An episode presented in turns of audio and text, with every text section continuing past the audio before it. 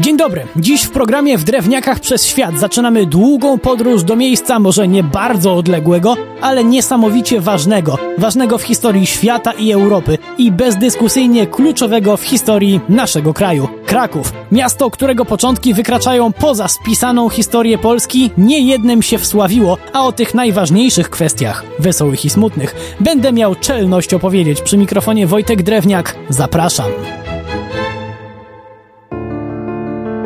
Początki Krakowa rozmyły się w historii. Światło na tę zagadkową kwestię rzucają archeolodzy, którzy twierdzą, że ludzie na terenach dzisiejszego Krakowa byli już kilka tysięcy lat przed naszą erą i to wcale nie przejazdem. Zadomowili się tam całkiem nieźle, a przynajmniej takie wnioski można wyciągnąć po znalezieniu pozostałości domów, pomostów przerzuconych przez liczne bagna, przedmiotów do codziennej pracy czy wreszcie grobów. Wiele jeszcze razy będziemy sobie w tej opowieści podkreślać, jak w Krakowie mieszały się kultury i wpływy ale warto wiedzieć, jak długie ma to tradycje. Naukowcy znaleźli tutaj rzeczy świadczące o wpływach Wenedów i Celtów. I ktoś może jeszcze teraz sarkastycznie rzucił, haha, może Rzymian? Rzymian też.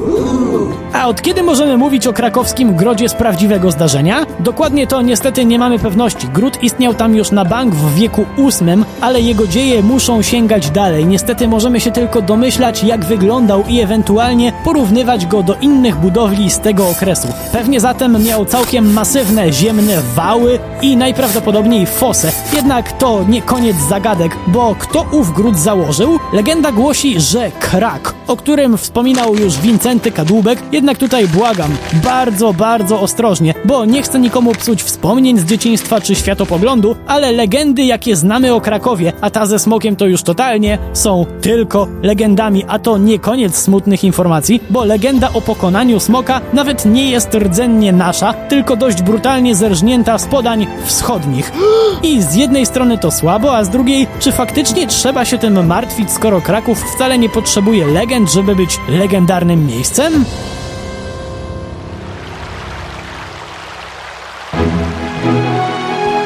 No właśnie, wróćmy do najstarszej historii miasta, do czasów przed Mieszkiem I, kiedy to krakowski gród był już stolicą, tylko że nie Polski, a pogańskich Wiślan. Ci jednak nie mogli mówić o życiu w spokoju, bo gród leżał w tak dobrym miejscu, że błyskawicznie nabrał na niego ochoty Świętopełk I.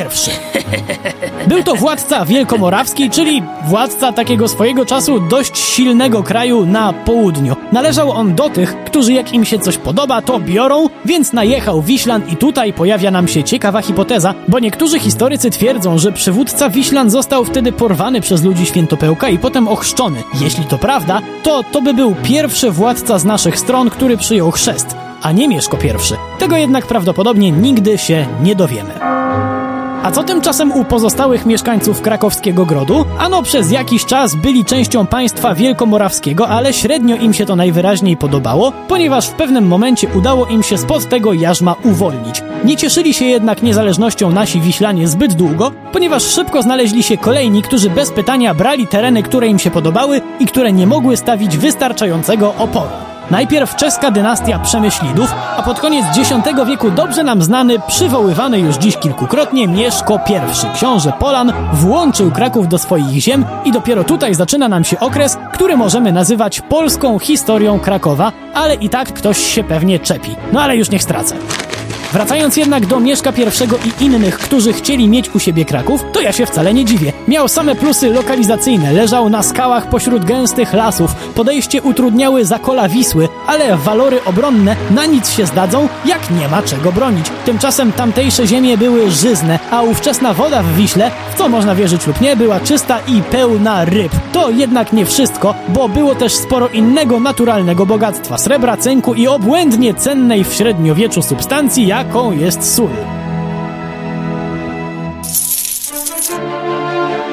Kraków był więc idealnym kandydatem na fajne miejsce do obrony, życia, ale to nadal nie wszystko, bo na handel też się świetnie nadawał. Leżał na przecięciu szlaków, które łączyły zachód i wschód Europy. Był też dość blisko ważnych europejskich miast, wbrew temu co pisał Ibrahim ibn Jakub. Ten podróżnik twierdził bowiem, że z Krakowa do Pragi są trzy tygodnie drogi. No chyba idąc na rękach, panie Ibrahimie.